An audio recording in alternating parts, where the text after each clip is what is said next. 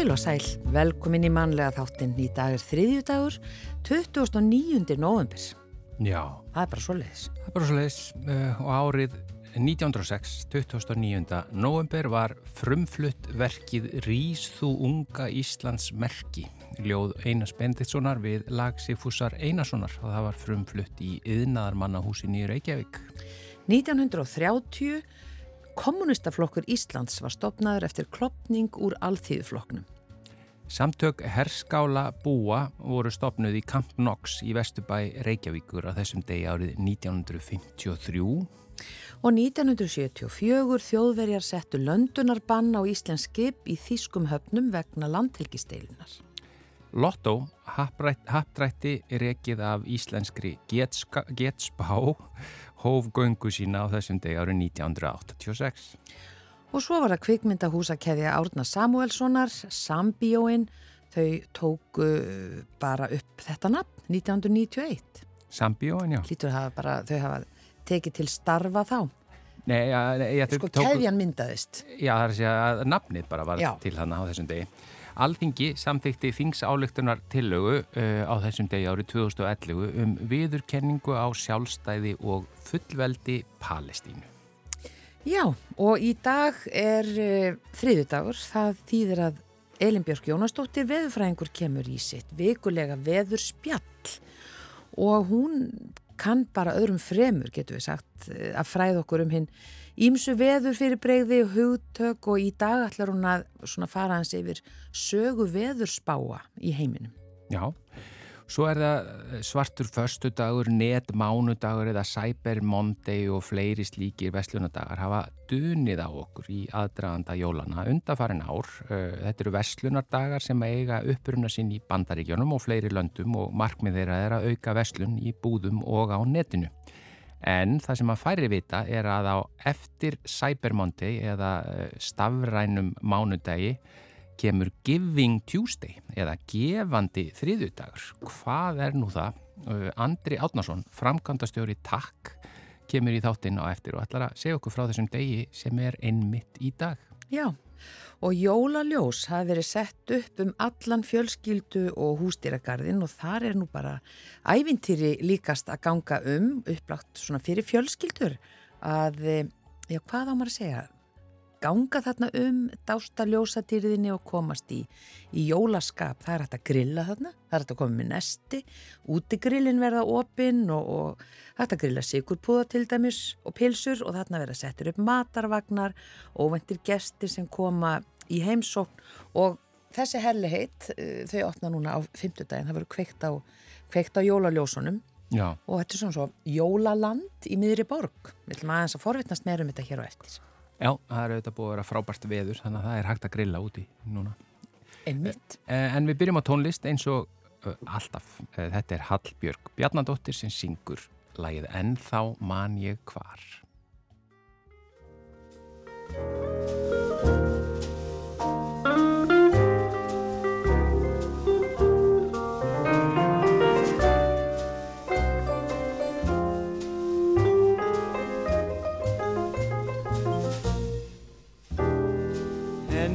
Þá mann ég hvar við mættums fyrsta sinn. Minningin um það ver mér ennþá huga minn. Það var kvöld í mæ og kyrði í bæ. Er við gengum saman út með sæ. Meðan kvöldróðinn kisti haf og land Kisti litlu öldurnar bláan fjöru sand.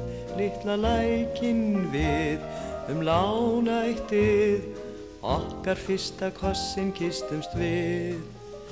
Ég hef elskað þig frá okkar fyrstu kinnum Og engan lítið feguri en þig.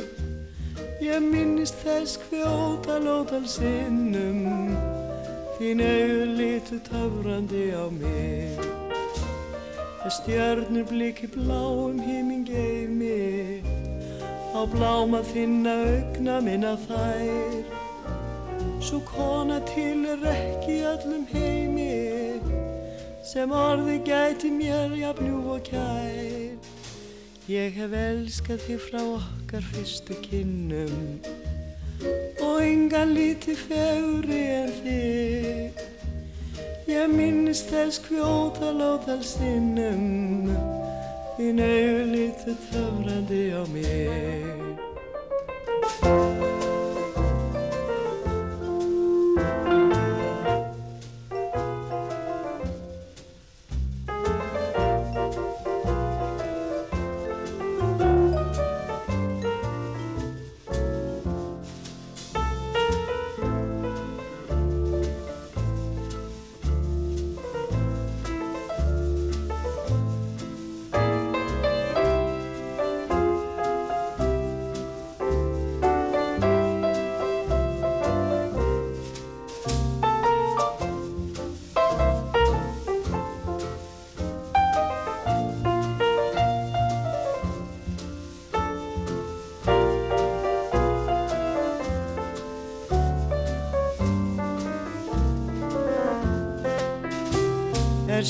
stjörnur blik í bláum himmin geimi og bláma þinna augna minna þær. Svo kona til er ekki öllum heimi sem orði gæti mér ég bljúf og kær Ég hef elskað þig frá okkar fyrstu kinnum og enga líti fegri en þig Ég minnist þess kvjótal ótal sinnum. Þín auðu litu töfrandi á mig.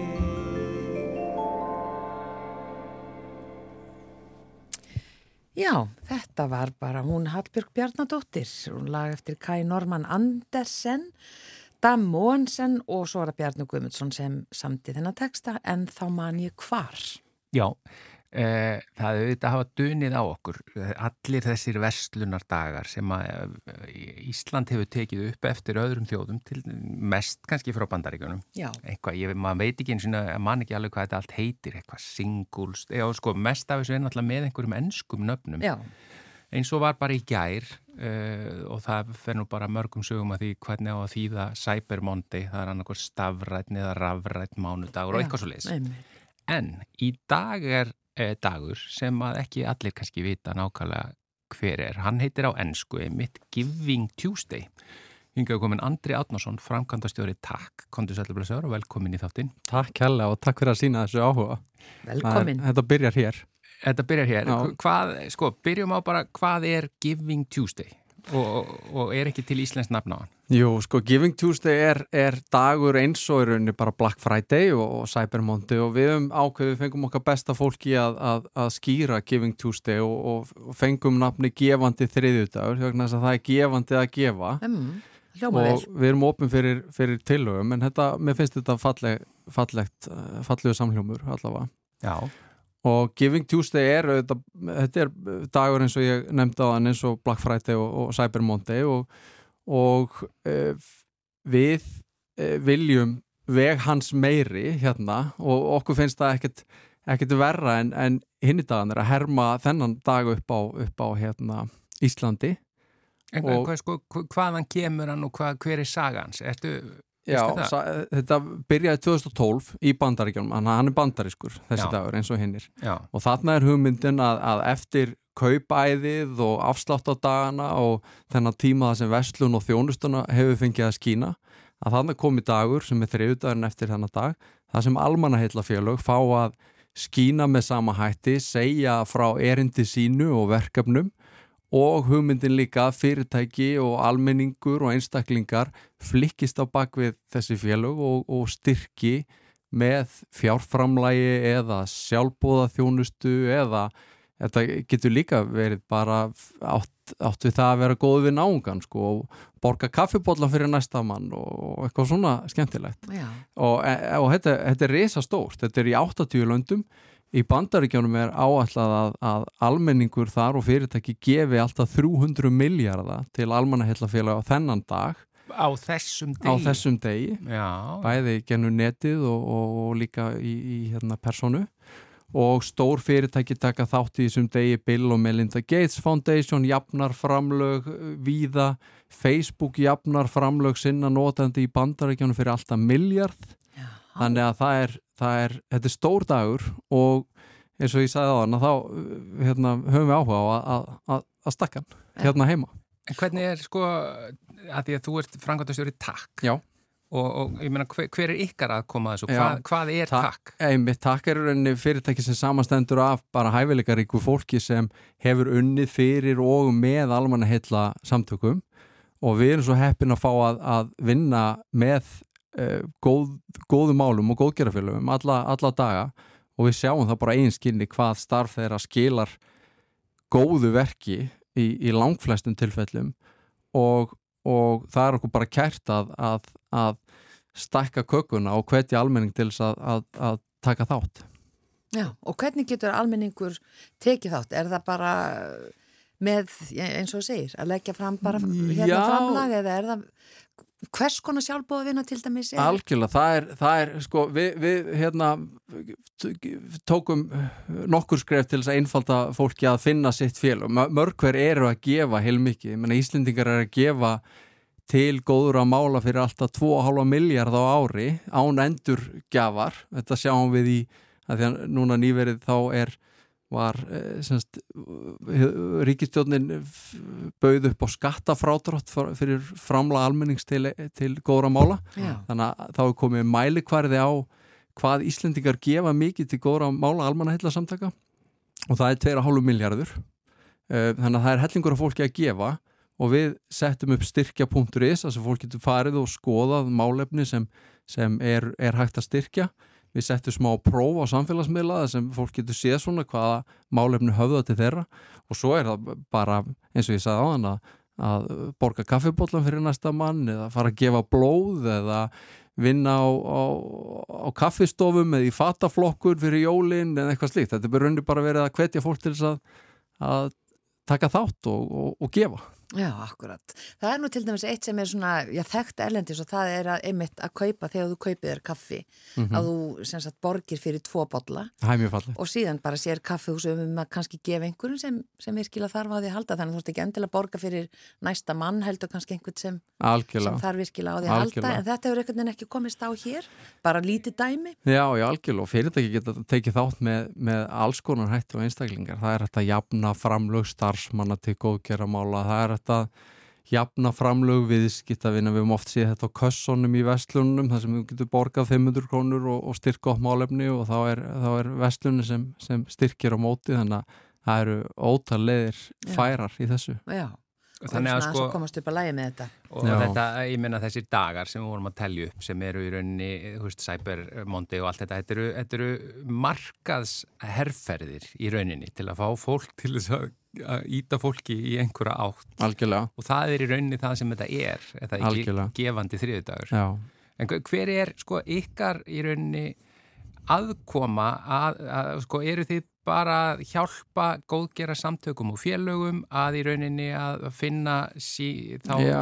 gefendur? Já, við erum í rauninni svo markasfyrirtæki bara með, með áherslu á almanna heila félög og verkefni okkar eru ímis meðal annars að koma skilabóðum og framfæri og vinna í í herrferðu með, með félögum sem eru ætlað til forvarna eða til fjáröflunar og, og marskonar og samfélagsmiðlum og, og ekki. Eh, þannig að það, það er okkar aðkoma þar að fá og það er mikið lukka að fá að vinna með, með almanna hillafélögum að þessu verkefni að, að afla fjár fyrir félagi, félagi. Eru þið með einhverja svona, getur eitthvað séð hvernig við stöndum sem þjóð í, í svona málum? Eru við að standa okkur í því að, láta ég, hendir að Já, er það, erum við ekki duglega í þessu eins og hverju öðru sem við gerum, þetta er alltaf við erum alltaf best svona með höfðatölu sko Ég, og það, eins og ég sagði á hann það er þessar tölur um skattafráttar að gefa til kynna að það sé 2,5 miljardur á ári sem við gefum til góðra mála. Og það er að velta því fyrir sig hvort að það sé mikið eða, eða lítið luppa ég hef oft gaman að því að bera þetta saman við, við veltu Dominos á Íslandi en Íslandi ekki að kaupa pítsur fyrir 6 miljard á ári og í þeim samanbörði finnst mér, mér framlæð mætti vera meira og það bara, hef, það er dagar eins og þessi sem sem hjálpa til við það að vekja aðtikli á því hvernig landsmenn geta, geta styrt og, og, og hérna gefa félagunum plattform til þess að, að, að segja hvað þau gera og hvernig er hægt að taka þátt í starfinu. Þannig að við, við vonumst eftir því að, að hérna, við, ég sá einhverstað tölur frá rannsónasettir í Veslunarinnar að á þessum þremur Veslunadöfum sé fjóruðungur á kortaveltun í nógumber þannig að við vonumst eftir því að á næsta ári og, og einhvað í ára að þá muni fólk flikjast í, í, í tölvunar og, og gefa átaka þá. Þó var ekki nema fyrir andverðið einnar pítsu. Já, þó var ekki nema fyrir andverðið einnar pítsu. En, en þið fóruð í smáralindina og spurðuðu fólk svona hvaða félaga myndi styrkja ef það ætti 100 krónur til þess að láta endur rakna. Hva, hvað voruð það að pæla með því? Bara aðeins að sjá hvað, hvaða félag væru ofalegi huga fólks og þannig er oft líka hægt að, að, að heyra sögur að því að fólk styrkir alltaf að einhverju ástöðu, fólk er aldrei að styrkja af tilviljun, það er að styrkja vegna þess að það vill taka þátt í starfi félagsins, það vill félaginu vel og það, því er andum verkefni sem félagi sinnir og þess vegna eh, er þessi spurning skemmtilega vegna þannig að fáum við upp og auðborðið eh, hvað, eh, hvaða félagum fólk er andum og, og hvernig það vill taka þátt í starfuna því að þessi, þessi gamla hugmyndum Uh, að taka þátt sem uh, sko, sjálfbóðli er ofta á undanhaldi núna og, og fólk vill oft bara gera gott en gera það þá bara með, með mánalegu framlægi eða stöku framlægi sem þá, þá treystir þá þessu félagi fyrir, fyrir því að, að sinna verkefnum fyrir sína hönd og þetta er þeirra framlæg ja. til málsins Þannig að þessi góðgerafjölu þau borga í rauninni ykkur fyrir að fá að vera þarna á þessu svæði Neini, við erum bara að setja um styrkja.is bara upp til að til að sína hvað fjölbreytta flóru þessara félaga og, mm. og, og þetta eru þetta eru náttúrulega ekki öll félag á landinu þannig að ég, ég hvet fólk bara til þess að líta líta aðeins að hugsa hva, hvaða allavega í dag hvaða, hvaða málefni eru þeim nær og hvað þau vilja að skipta málefni en þess að eins og við settum inn á síðuna að það er sko, engi getur gert allt en allir getur gert einhvað sko, og þetta er svo sannarlega þegar ávið um, um framlega almennings til góðra mála þá gerir margt smátt eitt stórt. Mm. Andri Átnarsson, frangvandastjóri, takk Takk fyrir takk, að koma í þáttinn. Takk fyrir og til hamingjum í gefandi þriðdag Sömulegis Ég er alltaf niður lauga veg Örlitli fætur tifa með Samtími samlega við svíu í takt við sólaljósin sömbu Í dag þú dillar dansar með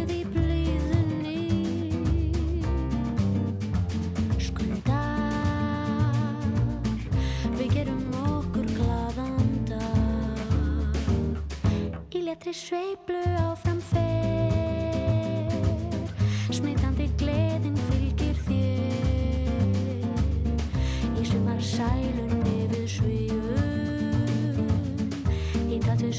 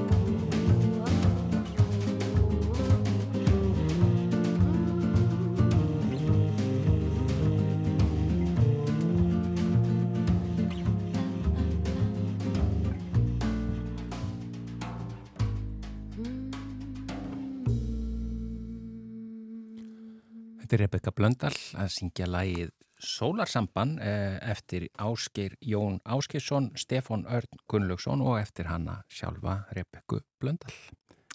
Já, eins og við sögum það 29. november og uh, stittist í desember náttúrulega, segir sér sjálf og það hefur verið sett jólaljós upp um allan fjölskyldu og hústýragarð og það hefur verið að búa til og leggja loka hönd á að bara útbúa, að bara útbúa þarna jóladal í miðri borg og uh, Ingi Þór Jónsson, verkefnastjóri viðburða, hann er á línunni, kontur sæl. Góðan daginn, sæl og bless. Já, þið eru bara komin í jólaskap, heyri ég. Hér búið að, heyrðu, hér byrjum við í, í júli að undirbúa, þannig að smátt og smátt hefur jólaskapið svona verið að, að læðast inn og loksins tók það svona enda á sunnudagin þegar við pröfu kerðum ljósadalinn okkar. Já, hvað heldur þú sé marga ljósa perur þar? Ó, þarna, það er skipta þúsundum sko, ég ætti kannski að fara að telja þær, en, en það er skipta þúsundum. Það er Vi, við hingrum bara á meðan þú fyrir Já. að tellur. Nákvæmlega. Já, og þannig að þetta er ekki sko einu sinni bara þarna í, í fjölskyldu hústýragarðum heldur bara leiðin að garðinum hefur líka verið svona líst upp. Já, ofsalega falli leiði núna frá bílastæðunum hérna hjá skautahöllinni og garðinum og leiðin inn í aðal hliði hjá fjölskyldgarðinum öllu upplýsti dásanum ljósum. Og svo eru við, og þar sem sagt innan við í garðinu okkar eru við með matavagnuna alltaf að byrja með. Tekur um út til fólki, feng- fá sér fengið sér snæðing Mm. Og, og svo erum við núna, þetta er í annað skipti sem við erum með hennan Ljósadal, að við erum með hestvagnaferðir og þar er, uh, það er rosalega vinsælt og það er farið í kringum tjötnina og, og fólki farið að upplí, upplifa ljósin og, og tónlistin og annan átt. Já, og bara hestar, já. Já, Þetta- það þetta- eru tveir góðir hestar sem koma úr Þykvabæ, kom í heimsó. Já, já, nú býtu, er þetta ekki bara hestarnir sem eru Nei, vanalega við niður á? eigum ekki svona gæfa hesta eins og þeir í Þykvabænum. Þannig að við komum, hún heitir Bekkina sem sérum þetta með hestavagn og tvo dásamlega hesta. já, Þannig að það er ekki hvaða hestar sem er og- settir fyrir vagn. Flott. þeir, eru- já, og þeir fá hvað? Snakka borða þá eða hvað? Nei, þeir, það má alls ekki gefa þeim. Nei, bara þeir eru þykvabænum. Já, Já. Grábáslega mikill fimmur þarna, já. Svolítið, þeir fatta. Æ, takk fyrir að hlæja samt. En hérna segðu okkur bara svona frá, já, svona fleiru sem þið hafi verið að svona, já, hvað ég segja, finna upp sem verður Það þarna. þetta, já, þarna erum náttúrulega, við erum með hérna, uh, þetta er mest hérna svona upp, upp, svona, garðurinn hefur aldrei verið lýstur upp á veturna. Það er bara, bara, hálk hefur verið slögt í garðunum fjölskyldugarðsmegin yfir jólaháttíðina, þannig að fyrir árið síðan þá sáum við fram á það, nei, við erum að gera eitthvað í því. Þannig að við pröfum þetta fyrra og það gekk alveg rosalega vel þrátt fyrir að desemberi fyrra það er bara skelvilegt veður allan desember sko. En Já. það lofa góðu núna Já, og byrjar vel eins og við vitum að nóvumber er náttúrulega heitast í nóvumber á öldinni þannig að við reknum alveg með því að veðri verið gott áfram. Já, og eins og ég segi hér er ringekja sem að býður fólks og það er alveg ævintýr að vera í henni í myrkri og ljósi saman. Og tónlistin ljómar þar inn í. Svo erum við með eldahist og hér um garðin og þetta er svona þetta er upplifunar stemning þetta er hérna bæði til að slappa af og þið vantar svona smá jólastemmara í þig þá er þetta rétti staðurinn til að vera á það er ekki nokkur vað á því já. Og hægt að koma með kakó og nesti. Endilega, má koma með kakó með sér og grilla, útigrillin er opinn og það er mikið um það að fólk grilli pulsur og annað Mm. og sittist niður og, og kemur bara katt klætt og við kunnum að klæða okkur í dag. En að því að það búið að vera svo gott við núna í november, uh, hefur það sett eitthvað strik, ég menna er eitthvað öðruvísi sem þið gerir þá eins og til dæmis bara með dýrin eh, upp á útiveru þeirra og annað slíkt? Þau hafa verið meir lengur úti en núna eru þau komin inn alveg. Já, já. Það er bara ekkert fyrir þau að borða lengur sko úti. Nei, Þannig að þau eru sett inn og, og alltaf jafn vinsæl sko. Þannig að það, það er náttúrulega dýrin og, og tækin og, og dýrin. Já. Já. Og dýrin eru komin í jólaskap? Þau eru aldils komin í jólaskap. Það er alveg, það er alveg á reynu sko. Og elska það að fólk sé að koma og klappa þeim og, og koma við þau og annars. Já. Þannig að þetta er bara dásamlegt. Það, það er ekki annað hægt að gera en að hvetja fólk til þess að koma. En bara ein svona spurning með hvernig þetta byrja. Þú segir þetta sé annarsinn. Var, það- var það COVID svona sem ítti þessu af stað? Það var svolítið það. Okkur vandaði eitthvað til að glæða okkur fyrir jólinn og líka það að, að, að fjallega takmarkanir og annað að við gátum gert það, við vorum svo mikið pláss, þetta er svo stór garður og, og það var aðalega það sko, við þurftum að gera eitthvað til að glæðja mannskapin og það var þetta tekið til hendinni og búin til jóladalur. Já. Og er þetta ekki bara komið til að vera? Þetta er bara komið til að vera og komið til að stækka. Við byrjum bara núna strax í janúar að undirbúa 2023 Já, Það er bara, og þegar byrjuðu sko, það er svona ímyndlega sem að okkur langar til að bæta í og alltaf spennandi. en sko þessi jólaljósa dalur, það er væntalega einhverjar heimsóknir jólasveina og svona. Sko það er vonandi að það er koma, en Já, það aldrei hægt að reikna alveg með Við náðum ekki jólakettinum um síðustu helgi, Já, en mér skilst að sé búið á fangan og hann sé koma í gardin bara held ég á morgun, þannig að jólakötturinn er að koma Já. já, og hann er náttúrulega alveg skelvilegur, það verður bara að segja eins og er og það er mikið læti í kringum þar sem að við geymum hann sko, reynum að halda honum inni en hann áða til að sleppa. já, já, já. Já, ég veit ekki hvort að börnin komið þá, sko, ef að e, e, þið verðið að passa. það er, ég, held, ég myndi ekki treysta yngre en 12 ára sko, Já, já, Í það, já, ég skil. það hann er svakalegur. Já, en einn svona spurning bara í lokin, stendur ekki til að hafa fjölskyldu og hústýragarðin bara allan opinn, allan á sér sring?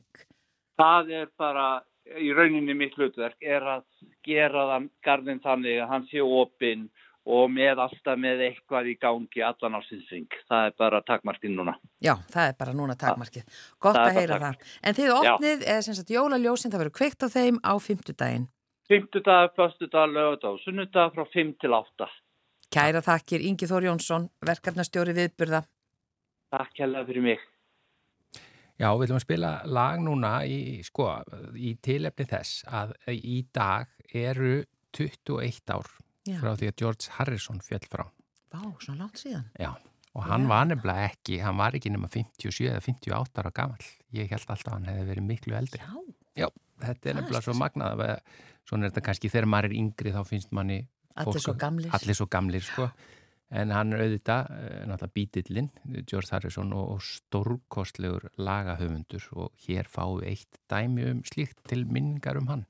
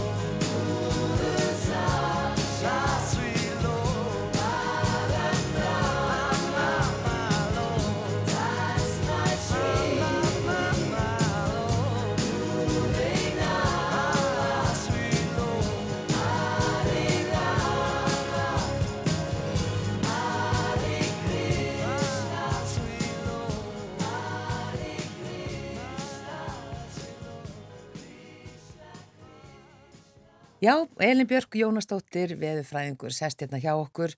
Það er veðurspjall í dag, eitthvað sem margir býða eftir. Það er alveg ótrúlegt hvað við Íslendingar getum spjallað mikið um veðrið. Alveg og, endalist. Og af miklum áhuga. Já, já. Enda er, ég myndi segja að veðrið hér væri áhugaverðasta veður í heiminum meða við höfðatölu. Er, er, Já.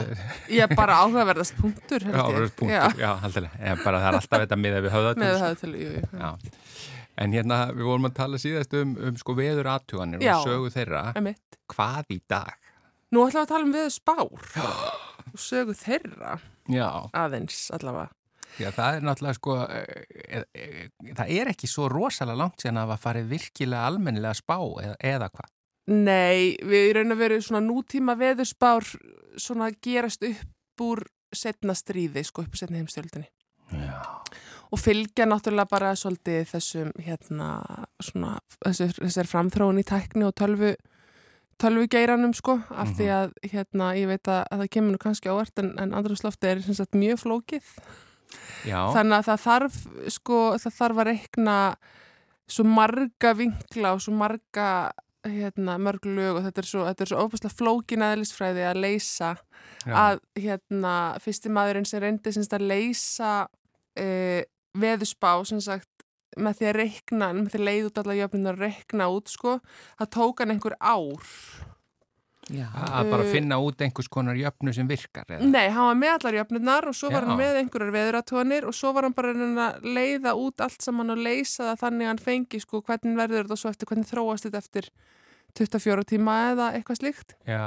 og það tók hann bara einhver ára að gera það sko. Þá er það svolítið seint.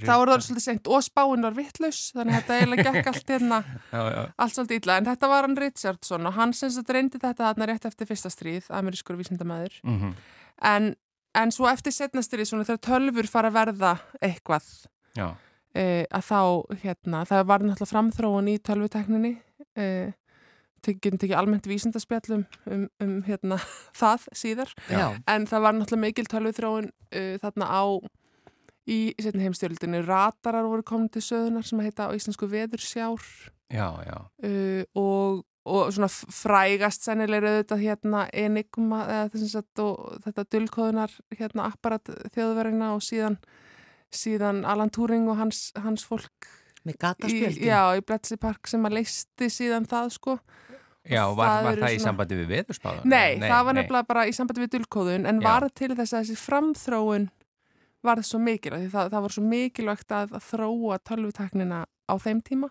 Já, að, að hérna að veðurspátnar eru þau svona kannski hjá afurð eða svona auka afurð af því og svo var þessi tekni notuð í tölvuspátnar þarna upp úr 1950 en sko. að því bara ég sem algjör leikmaður í Já. þessu málum, ég, ég hef oft hugsað hvernig eru veðurspáðnar, hvernig geng, gengur það fyrir svo og ég hugsaði náttúrulega bara út frá deginum í dag þar sem er öll þessi góðu fjarstikittatækni og allt það, að það sé bara að, að það sé þetta skrá, já, svona veður er hér og svona Mhm. veður er þarna og þetta er að færast í þessa átt, er, er það ekki bara þannig að við vitum að, að þetta færist á þessum hraða í þessa átt, þá hlýtur það að koma á þennan stað eftir þennan tíma eða, Nei, lóðritt þannig að þetta er allt þrývítt sko.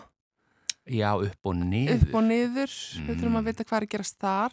Og Já. það varð mjög mikil bylting sko í skilningi okkar á andrúslöftinu þegar við fórum að, að mæla sem sagt lóðrétt. Já, já, það var hérna ofurhugi í Breitlandi James Glassier.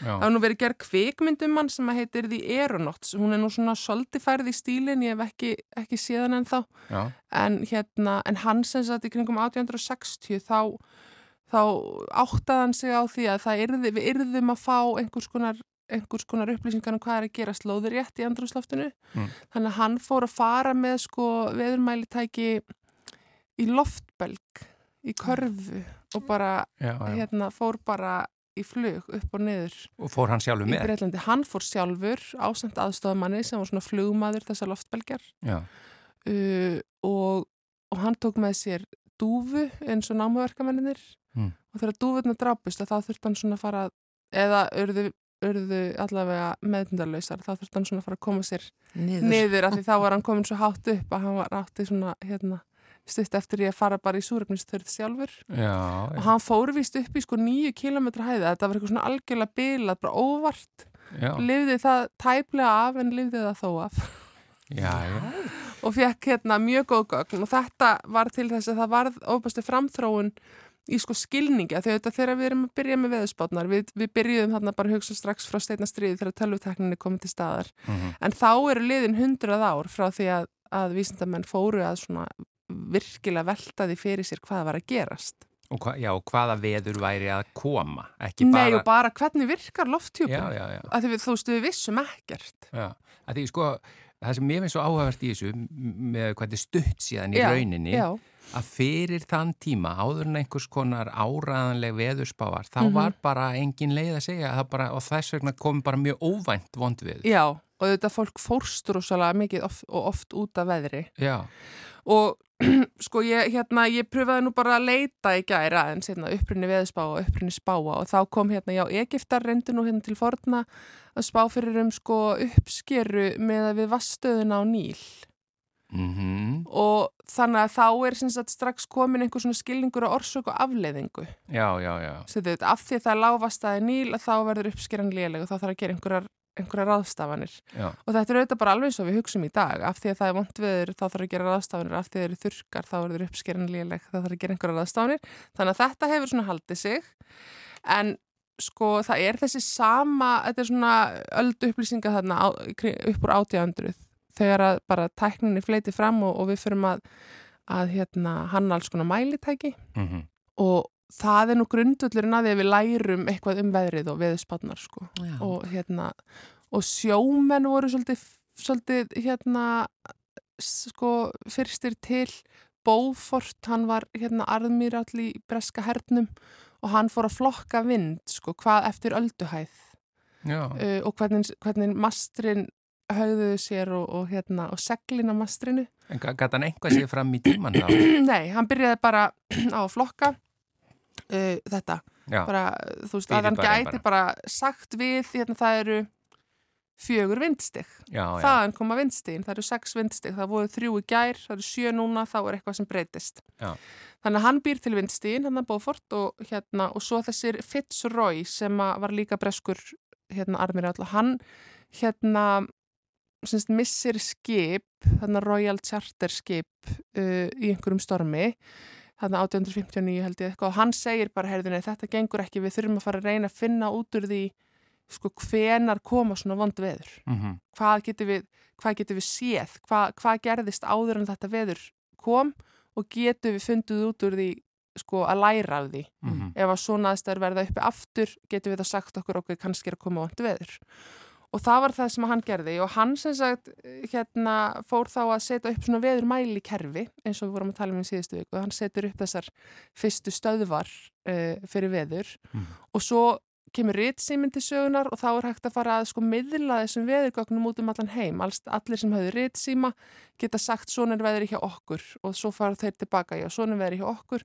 Svo er þetta allt teiknað upp á kort og þá fer einhvern veginn fólk að svona átta sig, já, byrju, hér er legsti loftrýstingurinn og hér er vindurinn svona og svo er herri loftrýstingur í kring og það er vindurinn svona. Mm. Og með þessu leistist til dæmis, sko það var búið að ræða það í mörg ár, bara hvernig snýst vindur, Já. af hverju snýst vindur? Snýst að rangsælis eða réttsælis og það var einhverjir, einhverjir vísindamenni í bandaríkjanu búin að vera að rífast einhvern veginn um þessi mótel, hvernig hvernig í hvað átt fer vindur ef að lagðin er, eða þú veist, ef að, það er að, ef að vindurinn er að koma á hvernig átt Mm. eða eitthvað svo leys. Þannig að það leysist með því að menn geta færð að sko teikna upp veðrið á sko starra svæði en bara á sinni eigin einni veðstöð. Já, já. Já. En er við ennþá, eða er enn verið að, að hanna ný mælitæki og nýja tækni? og- Já, Er þetta endalust og verður þetta endalust? ég verðum auðvitað alltaf að reyna að hanna betri mæltæki mæltæki sem að hérna eru kannski umhverfislega, betri mæltæki sem að, þú veist, við erum ný, nýbúin að það er nýbúin að banna kvikasilfur í hitamælum þannig að það þurfti auðvitað að vera búið að hanna að öðruvísi hitamæla sem að væri svona samsvarandi. Mm. um, Hér á Íslandi talandi við svolítið í því að legurnar í vindmælunum sko eiðileggjast út af ágangi sjávar eða, eða hérna bara álægi og hérna þannig að það er alltaf verið að að huga því. En kannski það sem hefur aðalega verið svona nýjasta nýtt er svona þessi fjarkunnunar möguleikar einmitt eins og þessi veðursjá eða ratarinn, hann var sem sagt notaður í setna stríði til þess að sjá hvinnar kæmi sko flugvélar hérna, breytar semst hannuði radarinn og gætu þá séð, eða voru með radar og gætu þá séð hvernig þjóðverðar var, voru, voru, voru að senda flugvelar yfir sundið. Mhm. áttu þessu svo á því að þeir sá ekki bara flugvelar heldur líka regndrópa Já, og, og þá fer í gang sko þróun á radarnum sem veður radar ekki bara flugvélaradar. Og út frá því förum við að hugsa já getum við gert eitthvað fleira? Og svo í kringu 1960 sendum við til dæmis upp gerfitungl og fyrsta sem menn hugsa er já hörðu við getum séð veður. Nú getum við séð miklu starra svæði af jörðinni. Og við getum hort á veðrið utan um geim. Og hérna og núna erum við komin í alls konar hérna svona smáskala fyrirbriða því við erum auðvitað alltaf að reyna að gera betur. Já. Og þetta er orðið ansi nákvæmt. Já, þetta er orðið miklu nákvæmara en það var og ég segi oft þessa sögu að hérna, sem sagt, e, fyrir svona 25 árum síðan þá var fimmdaga, nei, semst, sólarringsspáin eða tvekkjadagarspáin, hún var jafn áræðanlega og fimmdagarspáin er í dag já. þannig að við- það munur hellingum það sko Mm. en eitt sem ég langaði að minnast er á er að sko Skandinavar áttu alveg rosalega mikinn hluta af svona nútíma veðspám það er talað um Berganskólan í veðfræði voru feðgar hérna William, William Bjerknes og Jakobssonur hans og fleiri. Og svo eigum við einn nefnilega Íslendingar. Það er hann Já. Já, að hann var í Stokkólmi hérna í kringu 1950 ég held hann eigi grein, hún er annarkvæmst frá 57 eða 59 um sko 12 spár, veðspár uh, og, og þannig hann á helling í svona þessum skandinaviska skóla af veðspám. En Þetta er ekki eldri fræði en svo að, að, að brautriðjandunir eru bara enn á lífi. Einmitt, einmitt. Þetta er magnað, þetta er líka bara að því þetta skiptir okkur svo miklu máli Já. og, að, að skuli ekki vera lengra síðan en við gátum farið að sjá eitthvað. Eitthvað sko, en ég verði samt að segja ykkur að því veðstofan byrjaði 1920 að ég fann hérna eitthvað mál á alþingi frá 1928 úr neðridildinni. þá var Jóhann Jósefsson að flytja mál og hann er semst að, að velta því upp að veðspáin það árið hafi verið óáreðanlegri heldur en spáin árið áður og hvort það væri nú ekki hægt að gera eitthvað í þessu. Og hann hafi fengið sko umkvartanir frá sjómunum í Vestmanni. Hva, hvað árið er þetta sér? Þetta er 28 Já, að sko sérstaklega hafi þarna einhver, einhver vika í februar verið opáslega erfið. Og ég hugsaði bara með að hvernig síðasti februar var sko með alla þessa tækni sem við höfum. Já, bara að það er einhver fulltrú á veðustofinni sem sér um að sapna öllum þessum gögnum saman sem að við fáum sinst, með þessu símskeiti, þú veist, taka veðuratöðunar á Íslandi, tekna þessi kort og reyna að finna út úr því það hversir eða lægir. mm Og veðstofustjóri tók svona eitthvað saman og hann segir já 27 þá voru við í 78 skipta af 100 með rétta vindátt fyrir næstu nótt og 72 skipta af 100 með rétta veðurhæð fyrir næstu nótt, sem sagt vindræða. Mm. En í ár, 1928, þá voru þetta 56 skipti af 100 sem að vindáttin var rétt og 66 skipti af 100 sem að veðurhæðin var rétt. Þannig að spáin var margtækt verri.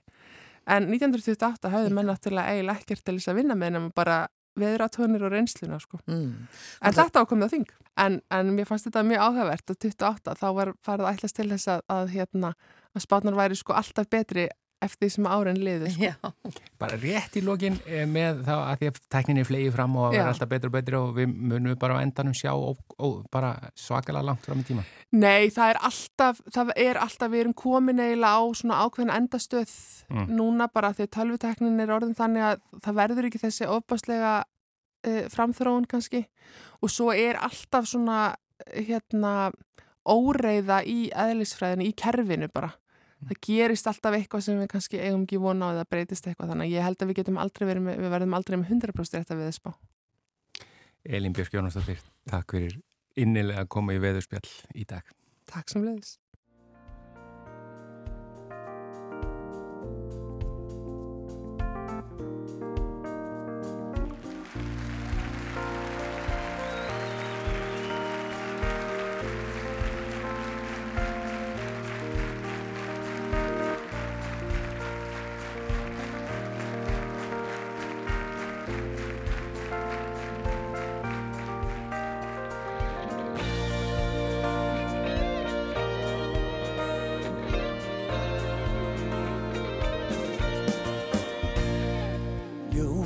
Og skuggin, lifandi myndir og litir sem breytast frá degi til dags.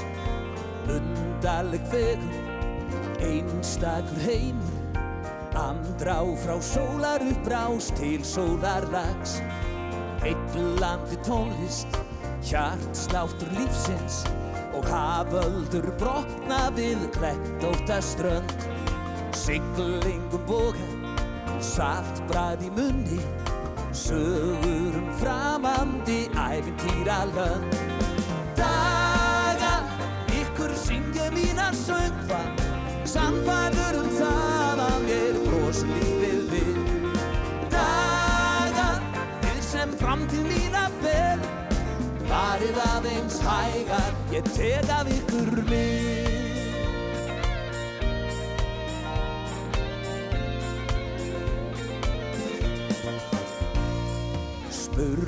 Spurningum átti, speil sem brotnar og spátómur rætist um veður og vind. Ljósið og skuggin leiftur af draumi litir í nýjum ramma ófullgerð minn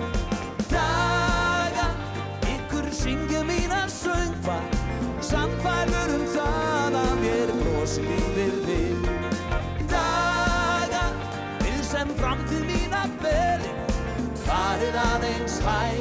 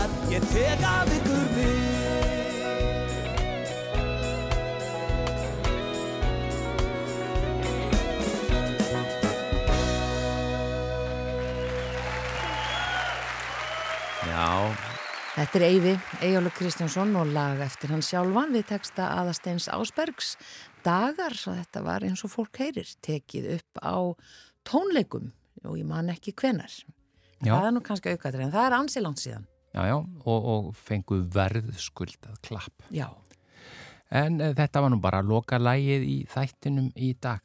já og við verðum hér aftur á morgun þá er miðvikudagur Já. 29. nóvambur, maður bara trúur þess ekki já, það er, í dag er 2009. á morgun, Já, sko, það er 30. Já, það er bara færist En alltaf um eitt dag síðan. En þá ótrúlega Já, þannig að Alltaf- fimmtudagurinn, það er bara, þá er desember komið, sko. Svona er þetta. Já, en takk fyrir samfélgina í dag, kæru hlustendur Verið þið sæl.